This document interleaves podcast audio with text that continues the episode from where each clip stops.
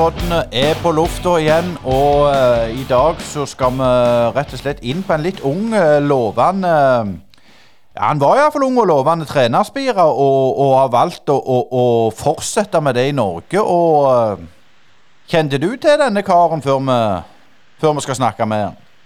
Nei, det gjorde jeg ikke. Det var en som, som du eh, dro opp av hatten. Men det ble eh, jeg, tror, jeg tror det kan bli en interessant samtale med, med Thomas Brandtsæter, som er spiller og trenerutvikler eh, i landslagssystemet. Eh, så jeg vet ikke jeg, hva jeg skal forvente, Øystein, men det er en mann som har eh, vært litt i utlandet i noen år. dette. Ja, han har vært både i England og Færøyene vel en tur, og Danmark. og Vi skal vel ikke si så mye, men, men Thomas eh, Brandsæter skal det bli interessant å høre hva han har å si. og Nå er han i NFF-systemet. Skal vi ikke bare la, la, han, la høre hva, hva han snakket med? Kort levering på RAV4, både plug-in og full hybrid, og like kort levering på elektrisk varebil. Nå har vi prøvekjørt avdelingen på Bryne i seks måneder. Vil du prøvekjøre nybil eller bruktbil hos oss? Toyota Sves på Bryne har verksted og dinitronmuligheter, og fører modeller som nye Yaris Cross, RAV4, Haigo, Corolla, Prius, Power City, elektrisk eller med firehjulstrekk, Hilux eller Land Cruiser. Uh, altså ingen grunn til å lure på om vi har nok biler du kan teste. Kom innom, så finner vi en rette for deg. Hei, det er Hanna Kvarneland fra Privatmegleren Jæren. Er du på boligjakt, eller vurderer du å selge boligen din? Vi i Privatmegleren Jæren er ekte lokalmeglere med spesielt god kompetanse og et godt fotfeste om boligmarkedet her på Jæren. Ta kontakt med oss i Privatmegleren Jæren på telefon 51 48 86 00, eller kom innom oss i Torgata 2 på Bryne. Privatmegleren Jæren. Alt vi forventer, er at du forventer mer av oss. Brynepoddene de fortsetter, og i dag så skal vi få eh, storfint eh, besøk fra Norges Fotballforbund og Thomas Broch eh, Brandsæter. Hjertelig velkommen til Brynepoddene. Tusen takk for det. Det er klart, Asker, det der navnet, det er ikke så lett alltid å uttale de navnene riktig. Eh, jo, hvis du legger litt eh, tid i dette, Øystein, så går det. Thomas eh, Broch, eh, Brannsæter. Men eh, velkommen, Thomas. Eh, du er nylig ansatt i Fotballforbundet, men du har allerede, tross din relativt unge alder, hatt farta litt land og strand rundt i, i fotballverden. Og, og, kanskje vi kan begynne med å si litt om karrieren din så langt? Ja, det kan bli godt. Jeg starta som fotballtrener i moderklubben Øvrevoll Hosle. For øvrig et av eh, en av Norges største fotballklubber. Eh, og så var jeg trener der i, i tre års tid, men eh, mens jeg da selv gikk på videregående. Og så tok jeg etter videregående et år i Molde på folkehøyskole. og jobba da i Treff, eller Treff som de vel uttaler det der oppe hadde et år der sånn. Og så mens jeg gikk der, så fikk jeg et jobbtilbud i Stabekk. Som da var liksom den, den klubben jeg vokste opp med som nærmeste toppklubb og, og fullt eh, som liten. Så da, da, sa jeg ja til det, og hadde to år i, i Stabæk. Eh, veldig spennende år. Bare avbryte deg litt, Thomas. Du, du var jo veldig, ja. veldig ung når du, når du, begynte i Øvrevoll Hosle. Og, og, spilte du selv noen gang? Ja, jeg gjorde det. Jeg var som, eh, som mange andre gutter en, eh, en, som drømte om å bli profesjonell fotballspiller og spilte masse fotball. Jeg vil si Nesten hele oppveksten min har jeg tilbrakt på en fotballbane. Så jeg spilte fotball i, i Øhild til å starte med, og så gikk jeg selv til Stabæk som, som 12-13-åring. Og var i det systemet der til jeg var ca. 14-15 år. Eh, da ble jeg rett og slett eh, da fikk jeg rett og slett beskjed om at jeg ikke var god nok til å være med videre. Og uh, skiftet da til Røa. Og spilte der sånn egentlig til, uh, ja, til jeg var ca. 20. da. Tredjedivisjonslaget der på, på, på Røa. Uh, så flytta jeg til England etter hvert, og så ebba min egen fotballspillerkarriere litt, litt ut. Ettersom jeg satsa mer og mer på å bli trener. Men, men, det er jo en, en vei som eh, mange går, altså utenom dette med, med, å satse på å bli trener. altså De, de, de prøver seg og, og, er kanskje talent i ungdommen, og så Ja, så får du den harde beskjeden. Og, og, men kan du si litt om Stabæk på den tida? Var de allerede i gang med dette akademiet som de holder på med nå, eller kom dette seinere? Allerede da var det en ganske heftig satsing på, på eh, spillerutvikling. Og man var også da blant de, blant de fremste i, i, Norge. Men når det er sagt, så har det skjedd veldig mye siden, siden den gang. Eh, det har det både i Stabæk og i i veldig veldig mange andre norske klubber. Så det var et veldig, veldig bra miljø å være en del av. Jeg hadde fantastisk gode trenere som, som var med å inspirere meg til å få lyst til å bli, eh, bli fotballtrener selv. Men, men eh, altså, du sa du spilte i tredje for Røa, og, og tredje er jo der som eh, håper jeg, fotballens eh, hverdagsslitere når til topps, eh, for å si det sånn. Men Eh, var det noe sånn bevisst at du slutta å spille aktivt sjøl, eller, eller, savner du, for å si det sånn? Det skjedde egentlig ganske naturlig. Jeg, jeg sluttet ikke som en, eh, som en, aktiv handling at nå vil jeg ikke spille, spille mer. Det, det, var egentlig da jeg flyttet til England eh, og skulle begynne å studere der, at jeg tenkte at nå nå går jeg all in på det å være fotballtrener og bruker alle, alle kveldene mine på det. Eh, men eh, det er klart jeg savner å spille fotball og har eh, syns jo fortsatt det er veldig gøy. da, Og har, har fortsatt litt gøy med det innimellom på hobby, hobbybasis. Blant annet er det, er det morgenfotball før arbeidstid her, i, her, på Ullevål to dager i uka. Så det er jo, det er jo artig, det òg. Så jeg har, litt, eh, eller jeg har glede av fotballen eh, fortsatt. Det, ja, det man blir jo barn igjen med en gang man kommer på banen. Ja, det er jo ikke alle som får spille på Ullevål, så, så, gratulerer med det. Men, men du, er, du, du, er, jo 27 år, og når du fikk på en måte beskjeden fra, fra Stabæk at du ikke var god nok, som du sier med enkle ord selv. Når du ser tilbake, var det riktig, eller er det sånn at fillen òg jeg, jeg, skulle ha fått prøvd meg? Nei, det var, eh, det var riktig. Eh, det, det, vil jeg si.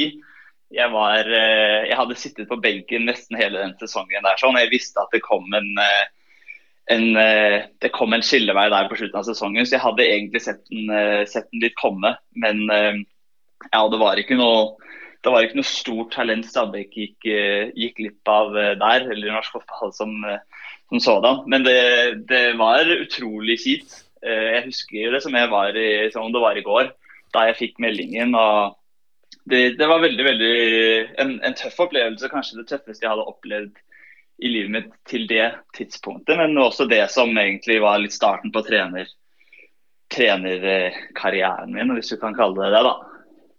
Så da, da, har du en klassisk 'What doesn't kill you make you stronger', som Nietzsche sa i sin tid. Men altså, du nevnte England, og da skal vi jo selvsagt eh, til, til Liverpool. Og du eh, ble student på John Moores University, som jeg må fylle inn litt med at det lå veldig langt framme i, i, i, sportsvitenskap. Eh, Iallfall eh, de var tidlig der. Eh, kan du si litt om hvorfor du valgte det universitetet kontra f.eks. NIH, som, som har snakket med andre som har gått på? Var det noe spesielt som gjorde at du søkte dit?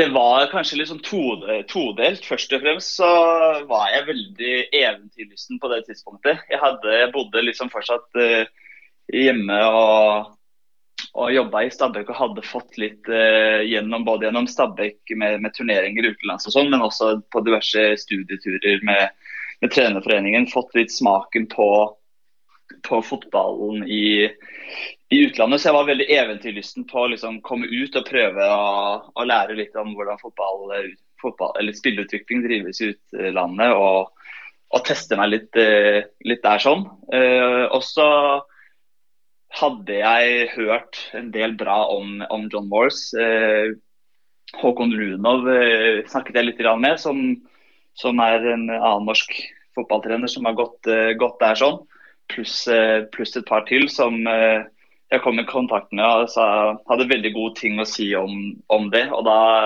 da, valgte jeg å ta steget ut. Jeg hadde lyst til å prøve å, å gjøre noe litt annerledes. da. Um, jeg har mange kamerater og, og bekjente som, uh, som uh, har gått og går på idrettshøyskolen. Og det er ingen tvil om at det er et fantastisk bra, bra studie. Og, så det var egentlig ikke noe sånn fravalg av noe jeg følte var for dårlig i Norge, men jeg mer et tilvalg av av noe i England som jeg syns virket veldig spennende og litt annerledes. Men kan du si litt om møtet med Liverpool, altså byen og sånn. Jeg, jeg var der en gang i, på, midt på 90-tallet, og da så det jo ganske nedslept ut. De hadde vel nettopp pussa opp Albert Docks og sånne ting, men, men, det var liksom ikke noe veldig. Og så var jeg der tilbake etter de var i det europeiske kulturbyrået i byåret i, ja. i 2008, og da var det jo en annen by. altså Det så mye mer friskt ut, og, og de hadde gjort mye i sentrum og så videre. Kan du si litt om stemninga i selve byen Liverpool mens du studerte der? For jeg regner med du fikk eh, tid til å gjøre deg ganske godt kjent med byen òg? Faktisk ikke så veldig, så veldig, mye tid. Det ble, det ble, noen lange kvelder med jobbing, men selvfølgelig lite grann. Og det er jo en eh, det er jo som du sier, Jeg hadde selv litt en forventning eh, om at det var litt sånn engelsk industriby da jeg kom. og visste ikke, Hadde ikke vært i selve byen før og visste liksom ikke helt hva jeg kom til, men ble veldig positivt overrasket. Det er som du sier, det har skjedd veldig mye, og hele sentrum er egentlig pusset opp. Og, og Albert Dock, som dere nevner, som er havna der, sånn, er jo på Unescos verdensarvliste. Og det er, eh, det er, en fantastisk fin by og utrolig fine folk. Jeg, eh, jeg, synes, jeg pleier egentlig noen ganger å, å sammenligne folk i Liverpool litt med bergensere de er utrolig stolte av hvor de, hvor de kommer fra. Veldig utadvendte, veldig mange av dem. Og, og, er litt sånn Vi er ikke fra England, vi er fra, vi er fra Liverpool. Litt sånn bergensere mener de er ikke fra Norge, de er fra Bergen noen ganger. Så det er, eh, det er veldig artig eh, veldig artige folk der, og en fantastisk fotballby da, med en enorm fotballkultur som det var en eh, fantastisk berikelse å ha å være en del av i tre år. Eh, nå har jo, Du snakker jo med to Liverpool-fan her, og, og, jeg har sjøl vært eh, flere ganger i Liverpool. og Det som undrer meg, eh, eller det er litt spesielt at når dere snakker om denne oppussinga, så er det jo EU-midler som har gjort dette mulig. Og, og, og, Opplevde du det når du var student der, at det som du sier, at, at, de var ikke en del av England på en måte? De så mer ut mot Europa. Var, var det noe der? Nei, det det vil jeg ikke si at jeg sånn, bet, meg, bet meg merke i, altså. Eh, det kan godt stemme, men, eh, men nei. Først og, først og, fremst så var bare folk veldig stolte av byen sin. Og stolte av å, av å komme fra, fra, Liverpool. Og samtidig veldig åpne og nysgjerrige på, på, på, meg da, og vi andre eh, internasjonale studenter som, som var der. Eh, så ja. Ja, Kan du si litt om, om selve studiet på John Moores? Altså, hvordan det var lagt opp, og hva du lærte, og, og hva du på en måte tok med deg derifra påbudt? Ja, studiet var lagt opp sånn at det var en, eh, det var en bachelorgrad på tre år. og det var eh, det Studiet het jo Science and Football, og det var veldig mye science i det. Eh, I forhold til at det var, det var ikke sånn som det er på på NIH at man er ute og har eh, fotballøkter og blir vurdert som, som fotballtrener. Det handlet, å, det handlet, om, forskning, og både kunne gjøre forskning selv og anvende det til, til praksis. Og, og, Det vil jeg si var kanskje det jeg lærte aller mest av gjennom de tre årene. Det var å anvende teori til praksis. Um, og det vi, Et, et, et typisk eksempel på en oppgave vi kunne få, var å ja, vi, vi, vi, kunne bli utstyrt med noen sånne GPS-brikker som, eh, som, vi skulle ha på oss mens vi gjennomførte trening vi hadde planlagt. Og så se om den treninga vi hadde planlagt hadde det antallet høyintense løp og sprinter og sånn som, som, vi hadde planlagt. Og så liksom skrive en rapport på, på det i etterkant som skulle leveres til en trener. Som en del av det å liksom forske på hva slags eh, banestørrelser bør man bruke til, til, den og den treningsdagen før kamp. Så det å, det å selv gjøre forskjellige små forskningseksperimenter, rapportere dem og skrive dem på en uh, forståelig måte for fotballtrenere, det var liksom en stor del av greia. Eh, og var veldig Ja, følte det var noe det jeg lærte, lærte mest av. Og mange av de som var undervisere der, hadde jobb i i klubber ved siden av. og var liksom Jeg hadde konsulentjobber, da, om det var i Liverpool eller Everton eller Blackburn. Så, så visste de Dette var ikke bare noen teoretikere som, som var gode på akademia, men de hadde også erfaring i, i, praksis som de var gode til å få med inn i undervisningen. Eh, Men, men litt tilbake til Du, du, du har jo allerede røpet at du, du trente et, et tilsvarende kretslag i, det som er sånn skolesystem, og, og var involvert i, i vel eh, sånn ja, sånn tidlig ungdom, tidlig tenåringsfotball, vil, vil jeg vel kalle det. Men, men altså, møtet med, med, det engelske systemet, og, og, og, vi har jo sett de siste årene at England har jo blitt mye bedre som landslag og presterer i U-lag osv. Men hvordan var det når du var der borte, altså, og hvordan var det kontra det du var vant med hjemmefra? Oi, det er et, eh, det er et eh, godt spørsmål. Altså tar det laget jeg trente der som jeg var inne på før, som, som da ikke var en del av, av FA eh, som sådan, men, men, en del av eh, skolesystemet, eh, så var det utrolig konservativt. Det var litt sånn som man forestiller seg litt sånn gammeldags engelsk fotball på, på gjørmete baner hvor det handlet om én ting, og det var å kelke den så langt opp mot motstanderens mål du kunne. og Hvis du prøvde å spille en støttepasning eller eller vennespiller, så, så, ble du ropt etter, liksom. Det var litt den kulturen jeg kom til på det, på det laget. Eh, mens i, på, på, selve akademiet til, til, Liverpool, hvor jeg var heldig å få jobbe som analytiker i, i, to av de tre årene jeg var der, så var det jo en helt annen verden. Der var det topp moderne fasiliteter, en veldig moderne eh, tilgang til, til spillet og spillerutvikling. Eh, med, med, profesjonelle folk, eh, spesialister eh, hele veien rundt. Så, så, det var egentlig interessant å se og få liksom innsyn i begge de to verdenene. og jeg tror egentlig det er en, en styrke de har også. At ikke alt blir fint og flott og, og sånn, men at de har, de har litt forskjellige typer miljøer som, som barna eh, opplever. Eh, men jeg tenker litt på, på, på, det du sier der. Sånn som klubben, eh, hvis vi tar Liverpool, hadde de en samarbeid med, med, med skolelag, eller var det to verdener som liksom skulte på hverandre? Det, det var litt forskjellig fra, fra klubb til klubb.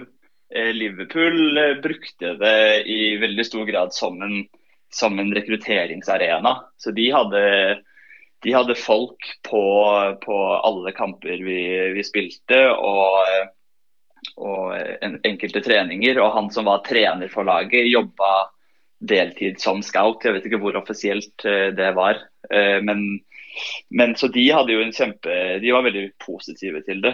Eh, og det var faktisk Liverpool som anbefalte meg å ta kontakt med dem.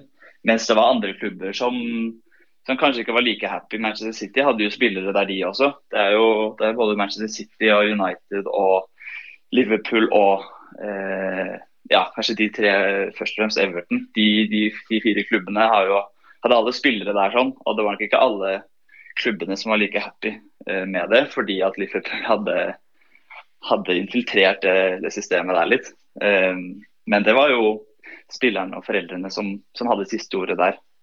Så det kunne ikke de andre klubbene gjøre så mye med. Kan du snakke litt om um, når du var i akademiet til Liverpool? altså Hvordan uh, arta hverdagen seg, da? Og, og hva har på en måte skjedd fra den gang du var der? Altså, jeg var jo Jeg var der mellom to og tre ganger i uka på stort sett på ettermiddag og, og kveldstid. så det ikke sånn at jeg var en, var en del av det fra, fra åtte om morgenen til åtte åtte på kvelden. Men uh, det var uh, Jeg ble jo Det var et lite sjokk uh, å komme dit og, og liksom se ja, både fasilitetene, men møte alle de, de dyktige folka som, som, var der. Den, det, den, største forskjellen kanskje fra det jeg var vant til og til jeg kom, kom dit, det var antallet ansatte de hadde, og det ekstreme fokuset de hadde på på enkeltspilleren, eh, utviklingen av den enkelte. Det, jeg, det, det jeg kom fra, var, var, nok litt mer en sånn lagstilnærming, eh, hvor det handlet om å, om å vinne kampen og jobbe ganske mye med litt taktisk og sånn allerede fra 12-13-årsalderen. Eh, spill på, litt, på, ganske store baner, mens, mens der i, i, i, Liverpool var det fra dag én at det handlet om å utvikle den enkelte spilleren. Og så er selvfølgelig fotball et, et, et lagspill, men de rigger liksom alle treninger og kamper rundt å maksimere læringsutbytte for hver enkelt spiller. Og jobbet veldig systematisk med, med det gjennom både det, det fokuset hovedtrener og assistenttrener hadde, men også alle spesialistene rundt med mentaltrener og fysisk trener og det ene og det andre. Eh, vi må jo litt, selvfølgelig litt innom A-laget, for, for, for, vi ligger jo og følger med på det. det. Du kom vel når Brandon Rogers eh, hadde sin siste sesong, stemmer det? Ja, altså det, det stemmer. Eh, jeg husker at Jørgen Klopp ble ansatt ganske, ganske kjapt etter at jeg, jeg begynte der. Og, og at han kom kom på akademiet og, og hilste på alle oss som, som jobbet der.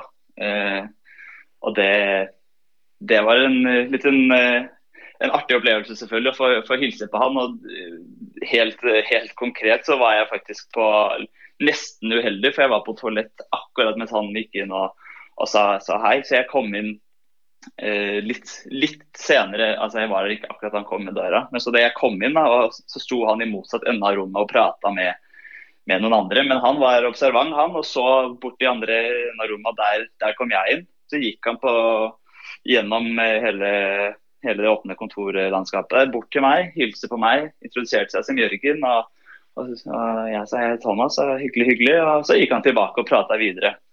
Men, eh, men allerede der viste han i hvert fall at han var eh, ja, oppmerksom på å se, på å se alle da, og være ja, at han gadd det, liksom. Det var ikke noe selvfølge, tenkte jeg i hvert fall eh, der og da. Så, så, det var gøy. Men etter hvert så, så, begynte du jo å bli ferdig med bachelorgraden, og du holdt på å si eh, du så andre steder hen. Altså, var det aktuelt for deg å bli værende i Liverpool, eller ville du på en måte videre eh, når den tid kom? Jeg var eh, Jeg var ikke helt sikker. Jeg var ikke det. Eh, men eh, ja, nei, det, det, var jo det var ganske dyrt å studere der. Og heldigvis så gode, så, så får man jo så er man heldig som norsk student at man får støtte av Lånekassen og sånt. Eh, også når man studerer i, i utlandet. Men det var, det var veldig dyrt å, å, studere der. Så det å ta, ta utdanningen videre der, da var det økonomiske aspektet én ting. Og så hadde jeg eh, hatt tre fantastiske år og følte egentlig at jeg hadde fått, fått såpass mye ut av det at nå, nå, nå var jeg klar til å, til å, komme hjem. Både for eh, litt å se familie og venner litt mer, men også for å, for å ja, jobbe litt i norsk fotball igjen. og, og bidra med noe av det jeg hadde, det jeg hadde lært. Og så dukket det opp en veldig, veldig spennende jobbmulighet eh, eh, der sånn mens jeg var midt i denne midt i avslutningsfasen da, av, av, studiet som gjorde at jeg, jeg endte, på, endte, med å dra, dra hjemover. Ja, så du, du kunne, Det var godt du ikke endte opp i sånn høyblokk i Runcorn eller noe sånt, noe. Men, men altså Hvor gikk veien videre etter Liverpool? Ja, det, som, det, som, skjedde, var at den som heter uh, Frode Samuelsen, som også er far til Martin Samuelsen, som, som mange sikkert uh, vet hvem uh, er, spiller på Haugesund nå. Eh, han har, eh, har eh, et, et, firma som heter Skill Race, som, som, da hadde altså På det tidspunktet jeg skulle jeg var ferdig med studiene, hadde fått i gang et veldig spennende samarbeid med, med norsk toppfotball, eller det som da het Norsk toppfotballsenter. Eh, om å utvikle et, et, et IT-system for å hjelpe norske Eh, eh, de norske toppklubbene særlig med å drive bedre talentutvikling gjennom, eh, ja, gjennom en digital eh, spillutviklingsplattform. Eh, så, så, han eh, Da han tilbød meg muligheten til å bli fotballfaglig ansvarlig i det prosjektet, så, så måtte jeg nesten hoppe på det. Og så jobbet jeg i Skeid på ettermiddagene ved siden av, som også var, var veldig spennende og lærerikt. Men, men klart, du, når, når, du var i Liverpool og ble sur for du ikke fikk Jørgen Klopp sin, sin jobb, eh, hvordan var det å komme tilbake til, til norsk fotball hjem? Var det, var det, på en måte et kultursjokk, eller gikk det greit? Jeg hadde holdt kontakten med, med mange både kompiser og, og tidligere kollegaer osv. i Norge mens jeg var i England, så noe kultursjokk fikk jeg ikke da jeg da jeg kom tilbake. Jeg gjorde ikke, gjorde ikke det. Jeg, jeg syns det var gøy å komme hjem og se at det hadde skjedd, skjedd mye bra. Det var helt klart min, min oppfattelse. Blant annet var det jo de vel året før jeg kom hjem at, at akademiklassifiseringen hadde gjennomført sin første runde med, med de norske toppklubbene. Og ja, det var, det var, generelt veldig mye trykk på, på spilleutvikling, følte jeg. Så, og Skeid hadde eh, bestemt seg for å, for å eh, satse enda mer på talentutvikling da enn eh, enn de hadde kanskje gjort eh, noen år. Så, så, der også kom jeg til et spennende miljø med, med mange gode spillere. Så, så, det var egentlig veldig positivt, det møtet med norsk fotball igjen. Men du klart du har vært innom Skeid og, og, og Stabæk, og Stabæk sliter jo i, i Eliteserien. Og Skeid kjemper knallhardt for å komme tilbake til Obos-ligaen. Jeg må jo spørre før vi går litt videre i din karriere. Eh, er det lov å si hvem du holder med i Fotballforbundet, eller er det sånn at du ikke får lov til det? Det tror jeg er eh, lov å, å si. Jeg er jo som sagt født og, oppvokst på, på Hosle, og Stabæk er klubben i, i mitt hjerte. Og Jeg er på Nadderud, Nadderud stadion fortsatt med jevne mellomrom. Det, det, er ingen hemmelighet. Men, men etter tida i Skeid så, så ble, det, ble, det, Danmark på deg? Det gjorde det. Eh, det gjorde det. Mens jeg var i, i, Liverpool og studerte, så hadde jeg et internship i FC Midtjylland, hvor jeg var der fire uker og fikk følge den fysiske treneren på A-laget veldig tett. Og også eh, var, var, mye mer rundt, rundt ungdomslagene. Og, og fikk et, et, godt innblikk i, i, i, klubben da, og holdt litt kontakt eh, med, med, dem også i årene etterpå. Så da de ringte noen år, eh, år senere, da jeg hadde, hadde vært i, i, i Skeid i, et års tid, så så merket jeg at det var en mulighet eh, jeg måtte si ja til da de tilbød fulltidsstilling som, som spillerutvikler i FC Midtjylland. Så da flytta jeg til Herning, og har ikke angra et sekund på det siden.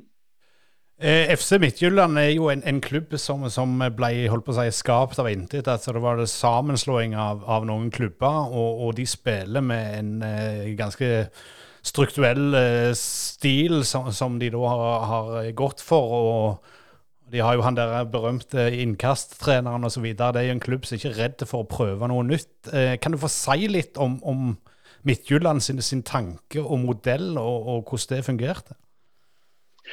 Det, det, kan jeg. Det kunne egentlig vært en podkast eh, i seg selv. Det, der, det, der, er det mye spennende eh, og mye læring å, å hente. ja, det er som du sier, da, det er jo en, er en veldig ny klubb, egentlig.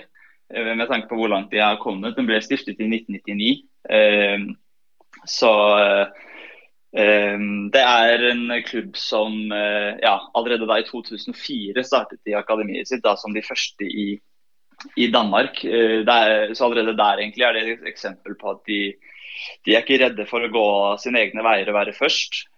som de da var med å få et, si, et profesjonelt akademi hvor spillerne kunne bo der og det var fulltidsansatte trenere, og det, det satsa de tidlig, tidlig, på. og det, det mindsettet er noe som kjennetegner klubben i veldig stor grad. Da. At de, de, hele tiden strever etter å, etter å finne nye måter å få, få fortrinn på. Eh, det mest kjente er jo, er jo måten de, de, rekrutterer spillere inn til A-laget på. Med, hvor, de har, eh, hvor de bruker, og var tidlig ute med å bruke statistikk Eh, data på, på, en litt annen måte enn eh, en de fleste andre klubber, i hvert fall den gangen de startet eh, å gjøre det, gjorde det. Um, de har startet sin egen nå nylig startet sin egen barneskole.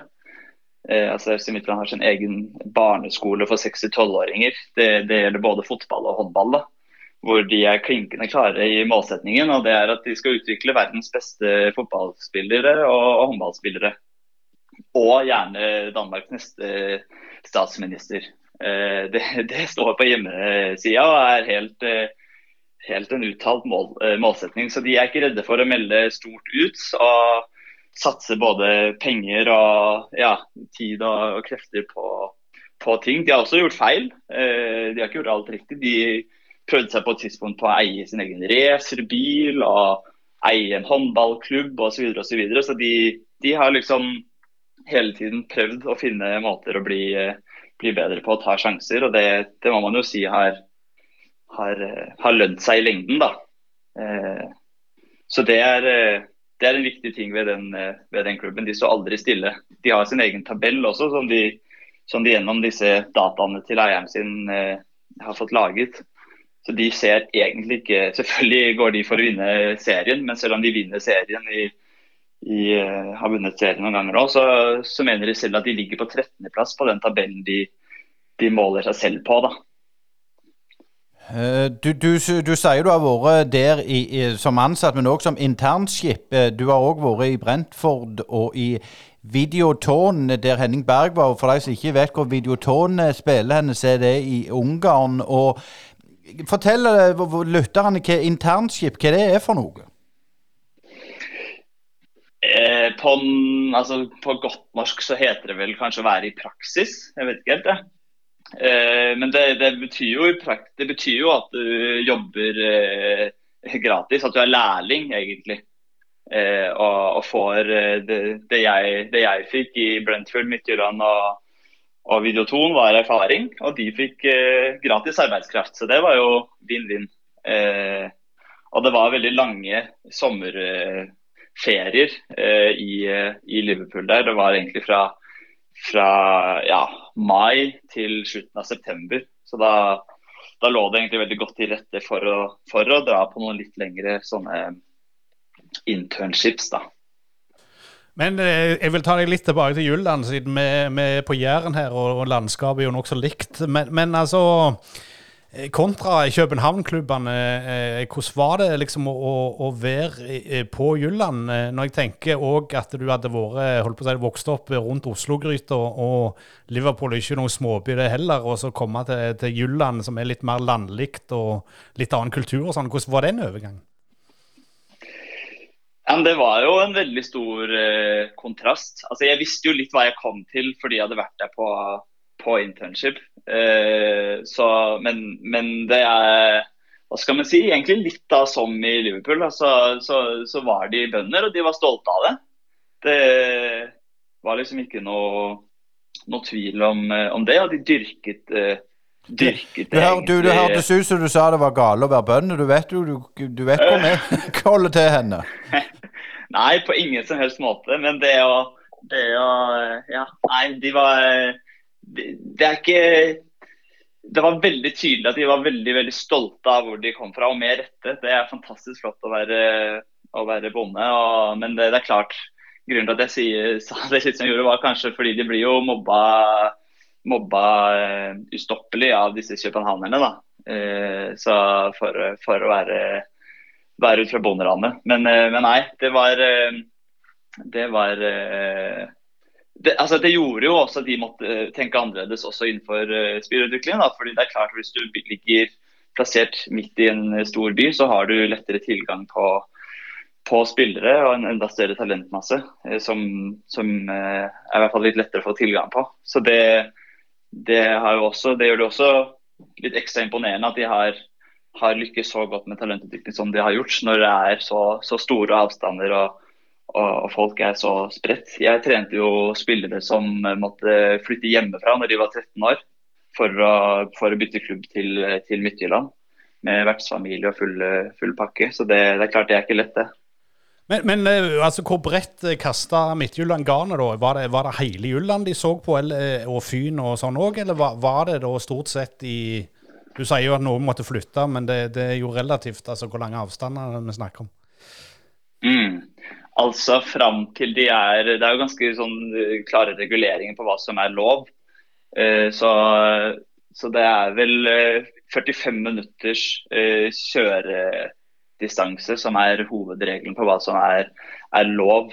Eh, og, så, og, så, ser man jo mer og mer eh, eh utover landegrensene etter hvert som spillerne blir eldre. og og det er eh, ja, Fra de er 18 år, så er det, så er det jo hele verden som er, er liksom rekrutteringsarenaen. Og man har et eget akademi i, i Nigeria, FC Ebedei, som bl.a. Frank Onyeka som spiller i Brentford nå, eh, er, er kommet fra. som, som man eh, pleier å få inn eh, noen, noen, gode spillere fra i hver, hver årgang. Og så selvfølgelig er det knallhard konkurranse om de største talentene i, i Danmark. Eh, så det, veldig, det, var en veldig, veldig tydelig forskjell da, fra Danmark og, Norge. at I Danmark jobbes det fra veldig tidlig alder av, eh, og, og, hele veien opp brukes det masse penger på rekruttering, eh, altså scouting, av, av av spillere. Det er veldig få også norske toppklubber som har fulltidsansatte speidere med kun det som jobb. Å finne de riktige spillerne til, til sin klubb. Men bare, på, bare på akademiet i Midtjylland var det to fulltidsansatte uh, scouts. Uh, og da et eget team på, på A-laget rundt dette. Men, men, hvis du skal si litt sånn eh, Nå har du vært inne på det nå, selvfølgelig. Men, men eh, hvis du skal snakke litt om si, kulturforskjeller mellom Norge og Danmark. altså Vi har jo en del overlapp i, i skandinavisk kultur, men det er òg forskjeller. altså Hva tror du de største forskjellene mellom dansk fotball og norsk fotball er, sånn som du har sett? Eh, kulturelt så opplever jeg at eh, danskene ser seg selv som en de er en liten nasjon, men de ser seg selv som en stor fotballnasjon. Eh, og De har jo vunnet fotball-EM, og de har hatt Mikael Laudrup. og ja, jeg tror Det er kanskje, det er sikkert flere, men to, to eksempler på ting som har vært med å, bygge og forme en sånn, en sånn enorm selvtillit som fotballnasjon. Eh, og De er veldig, veldig stolte av det. Og jeg kanskje opplever eh, i Norge at vi er veldig gode til å prate oss selv ned. Og hver gang vi ikke kommer i mesterskap, ja men selvfølgelig gjør vi ikke det. Vi er jo bare eh, fem millioner innbyggere, eller seks er vi kanskje nå. Eh, altså litt mer sånn eh, hva, hva, annet hadde, hadde, vi regnet med. Så det, det eh, Hvis man skal si det litt svart-hvitt, så er det en, litt tydelig forskjell i, i kanskje selvforståelsen hos, hos den den alminnelige eh, dansk, dansken kontra nordmannen. Ja, jeg, jeg, må jo bare bryte inn og si eh, det er jo skrevet ei glitrende bok av en journalist som heter Joakim Jacobsen, som heter 'Tunn luft', som handler nettopp om den endringen av danskene fra den gang det var viktigst å skåre ett mål når de tapte 5-1 mot England, og til å bli mer en sånn vinnerskallenasjon. Men det får lytterne søke opp sjøl. Men, men, det som jeg vil spørre deg litt om i neste spørsmål, er Eh, hvordan havna du tilbake i Norge og inn i NFF-systemet?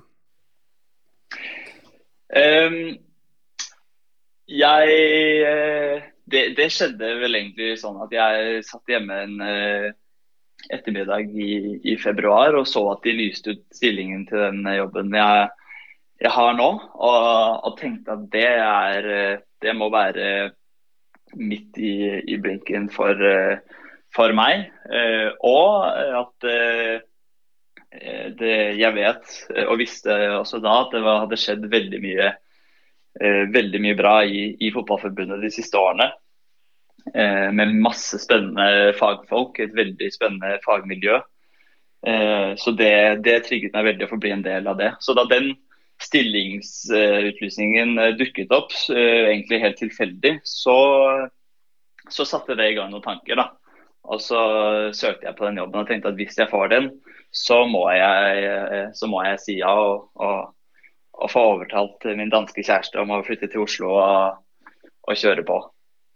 Eh, men klart, for, oss som ser på, på, på, hva det heter, digitalt ansvarlig seksjon spiller- og trenerutvikling, det er jo en voldsomt lang tittel. Men men nå, nå har jo ikke det vært så lenge, men, men, hva tror du Eller hva, hva, er ditt hovedmål? Er det på en måte å snakke opp fotballen, eller, eller, eller å få det litt sånn som danskene er klart, at, å være litt stolte over norsk fotball?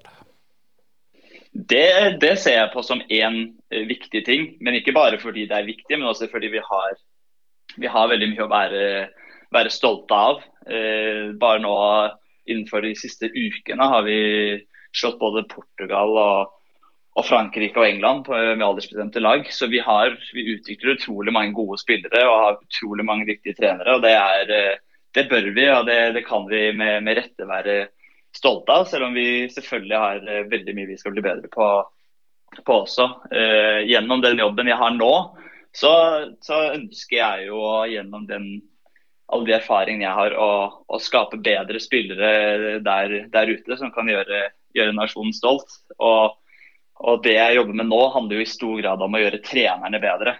Um, vi får jo ikke over tid, tror jeg, bedre spillere enn vi har trenere. Uh, og noe av det jeg jobber med nå, er å utvikle uh, godt fagstoff uh, og, og, videreutvikle det fagstoffet som allerede er der. Jeg har gjort en kjempegod jobb på det fra før av, som jeg egentlig bare jobber videre med. og få det ut til ut i kretsene og ut i trenerkursene våre, sånn at eh, trenerne våre blir, eh, blir eh, så gode som overhodet mulig. Når du har vært og kommet inn i, i, under vingene til NFF, det du, du, var det noe du ble overraska du, du så? Um,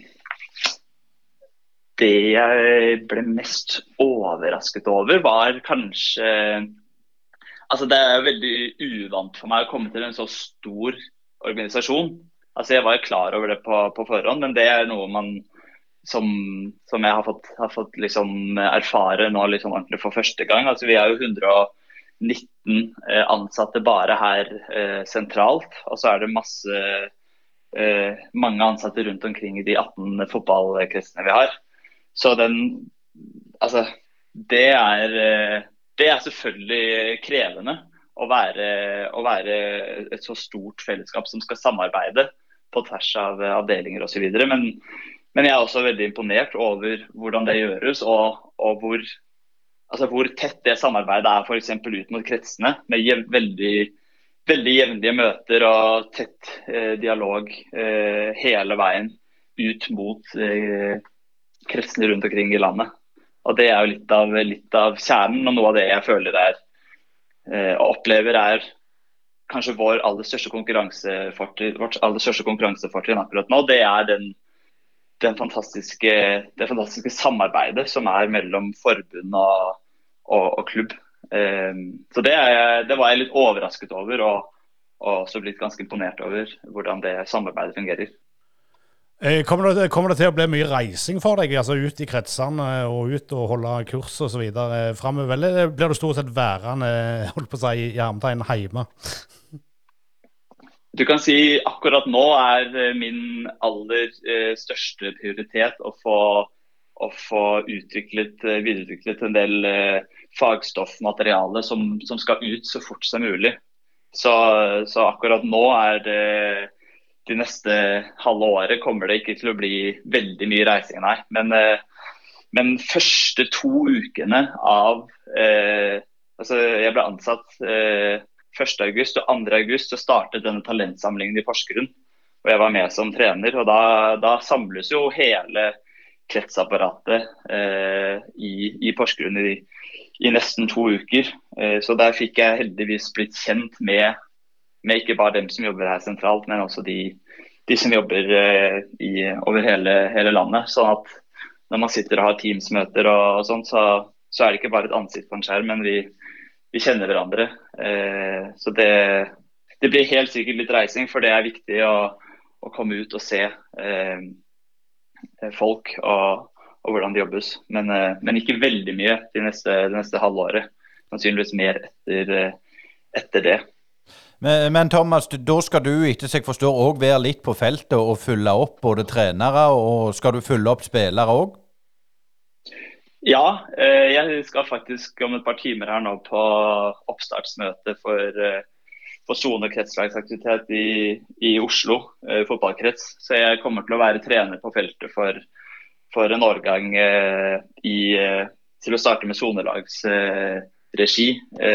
og etter hvert eh, er jeg veldig lysten på også ut og holde et kurs selv og, og møte, møte, trenerne der ute. Så, så, ja, jeg skal ut og bidra både ut mot, uh, mot trenere og spillere i praksis. Eh, til slutt, fra, fra, fra mitt hold, eh, kanskje Øystein har et spørsmål til. Men jeg tenker litt eh, framover. Altså, akademiklassifiseringa er jo godt i gang i Norge. og her i Rogaland så kjenner vi selvfølgelig til Vikings akademi. Eh, dere har jo Vålerenga, Stabæk på Østlandet som er veldig bra. og i, gamle dager, holdt jeg på å si, så var jo eh, de fleste lag drevne av eh, den ivrige foreldretreneren. Eh, uansett om det var eks-spiller eller noen som var flinke med unger osv. Altså, Sånn som du har opplevd fotball internasjonalt, eh, er vi i ferd med å forlate den og gå over til en høyere grad av eh, profesjonalisering? Er det noe som kommer uansett, tror du, eller er det fremdeles rom for den der eh, i hermetegn norske modellen? Nei, jeg tror at jeg tror det er veldig viktig at vi, vi husker på hvilket land vi er, og, og, den, og både den, hvem, ja, den kulturen vi har, og at vi, vi dyrker den videre i stor grad. Jeg jeg vil si det dummeste vi, kunne, det dummeste vi kan gjøre til fotballnasjon, er å, å, si at sånn gjør de det i England, så vi må gjøre det på den samme måten i Norge. Jeg tror at uh, mamma- og pappatreneren, uh, den frivillige treneren, kommer til å være, være veldig viktig uh, også framover. At det handler om å, om å hjelpe dem, dem, best mulig. Men, men, det er ingen tvil om at, om at det å ha profesjonelle trenere i, i barne- og ungdomsfotballen også kan være en bra ting. Det må ikke, bli, det må ikke være negativt å ha kompetanse. Negativt å utdanne seg som, som fotballtrener eh, heller. Så ja takk, begge deler tenker jeg er, eh, er veien fremover. Å være åpen for, for en god kombinasjon. Eh, er det én ting som er helt avgjørende for at vi skal eh, utvikle bedre spillere, så er det at vi investerer penger i det. Vi kan ikke investere halvparten så mye som, som det gjennomsnittlige danske fotballakademiet og, og, eh, og, tro at vi over tid eh, kan utvikle bedre, bedre, spillere. Og med mer penger så vil kanskje klubber ha mer og mer ressurser til å ansette, ansette trenere. Eh, men hvis Ja, uansett så vil barne- og så vil barnefotballen eh, kanskje særlig da, være helt avhengig og, og skal fortsette å være det av, av frivillighet også. Eh, litt til, til, til slutt for meg å si òg, Thomas. Eh, hvilke ambisjoner har du framover? Drømmer du om å bli en, en, en hovedtrener i Eliteserien, eller, eller, er det akademia som, som blir framtida, tror du? Nei, jeg tror egentlig ingen av de, de to, egentlig. Altså, nå står jeg er på Ullevål stadion i, i, dag og ser utover gressmatta her, hvor det snart skal spilles eh, kamp mot, uh, mot Montenegro. Og, og min, min, drøm er jo altså, min, min, drøm er at Norge blir en ordentlig, ordentlig god fotballnasjon igjen. Og, og det jeg liksom ønsker, er egentlig bare hver dag bli litt og litt flinkere til det jeg holder på med. Og, og bidra til at, til at norsk fotball blir, eh, blir bedre. Uh, og det, det er ikke sånn at jeg har en bestemt drømmetittel eller sånn som jeg jobber imot, men uh, ønsker egentlig bare å, å, å, bli bedre, en bedre fagmann hver dag og, og bidra på, på min, med det jeg kan. Og så må vi liksom se uh, hvilken, i hvilken rolle det det blir. Det er veldig vanskelig å Det er litt en men det er veldig vanskelig å planlegge eh, sånt. Men jeg er ganske sikker på at jeg ikke eh, skal satse på å bli hovedtrener i, i Eliteserien. Det, det, er ikke den, den retningen jeg, jeg forestiller eh, jeg, jeg ser for meg. Det høres bra ut. Jeg, jeg, har lyst til, Du var jo innom dansk fotball og, og, og gamle stjerner. Jeg, jeg, har lyst til å gi deg en quiz, eh, for du glemte den største eh, danske fotballspilleren ever. Det er 52 straffespark, eh, to bom på klubblaget. Hvem er det? 52 straffespark? Nei, 52 straffe og to bom gjennom hele karrieren for en klubb. Oi. Det blir pass. Oi, oi, oi. Det, da, du stryker. Det er Jan Mølby, så da henger på, på kontoret her signerte drakt. Oi, oi, oi. Skandale. Det, det er for dårlig. Men eh, det, det, skal jeg huske. Det er ikke nødvendigvis det som er din jobb å være god i quiz, eh, Thomas. Men eh, jeg, jeg syns det var en fascinerende samtale vi fikk med deg, og, og masse lykke til. Og du er jo ennå ung, så veien blir til mens den går, og så får vi se om du eh, fortsetter lenge i forbundet, eller om du finner deg nye jaktmarker der ute. Og tusen takk for at du stilte opp i Brynepodden. Takk for at jeg ville ha meg med. Kort levering på RA4, både plug-in og fullhybrid, og like kort levering på elektriske varebil. Nå har vi prøvekjørt avdelingen på Bryne i seks måneder. Vil du komme og prøvekjøre ny bil eller bruktbil hos oss? Toyota Sør-Vest på Bryne har verksted og dine og vi har modeller som Yaris Cross, RA4 Eigo, Corolla, Prius, HS70, elektrisk eller i firehjulstrekk. Hilux eller Landcruiser. Huh. Altså, ingen grunn til å lure på om vi er nok biler som du kan teste. Kom innom, så finner vi den rette for deg. Hei, det er Hanna Kvarneland fra Privatmegleren Jæren. Er du på boligjakt, eller vurderer du å selge boligen din? Vi i Privatmegleren Jæren er ekte lokalmeglere med spesielt god kompetanse og et godt fotfeste om boligmarkedet her på Jæren. Ta kontakt med oss i Privatmegleren Jæren på telefon 51 48 86 00, eller kom innom oss i Torgata 2 på Bryne. Privatmegleren Jæren. Alt vi forventer, er at du forventer mer av oss. Det var en interessant uh, diskusjon vi hadde med Thomas uh, Brandsæter der. Og en unge trener som reiser ut ungt og får en del eh, nye impuls. Og meg og deg Asker, har jo snakket en del om det, at det, er viktig å få impuls fra andre klubber og gjerne andre land òg. Men det er jo ikke alle som er enig i at det er lurt. Nei, jeg vil tro det er noen som ikke mener det er lurt. Men, men jeg, jeg, som en som for ut i ung alder sjøl, så så drar du mye fordeler. Du lærer litt andre kulturer å kjenne. Og lærer at ikke alt fungerer sånn som i Norge. Og han har jo vært i to klubber, sånn som Liverpool og Midtjylland, som, som ligger jo i toppen på, på spillerutvikling eh, hver sine land, men, men allikevel, de der erfaringene du får med deg der, det er jo ting som du kan bruke senere i livet. Absolutt. Det var veldig interessant å høre hva, hva Thomas hadde å si om, om, norsk fotball. og det er klart, Når vi ser på Premier League og ser på VM og EM, så tenker vi at norsk fotball er så dårlig organisert, og alt er så dårlig. Men det er jo veldig, veldig mye positivt som skjer rundt. Det er det. Eh, det er, det er veldig mye som skjer rundt denne akademiklassifiseringa, som eh, flere og flere klubber snapper opp og begynner å jobbe med. Så får vi se eh, hva resultater blir. Vi har jo et, et landslag som, som, er rimelig greit, og som, som spilte en avgjørende kamp i, i går kveld. og det skal bli spennende å se i året som kommer. Vi har jo noen gode spillere som spiller ute og som har gått ut i relativt ung alder. og, og det er jo en stund siden vi har hatt så mye gode spillere på landslaget som vi har i dag.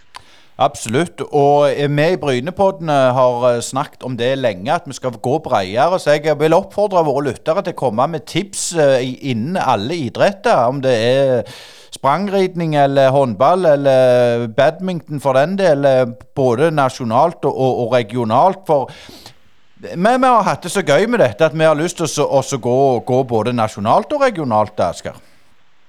Ja, det har vi absolutt. Og vi har det kjekt på Brynpoddene. Men vi kan jo ikke bare kjøre repeat hver, uke heller. så Derfor må vi se litt bredere, se litt større.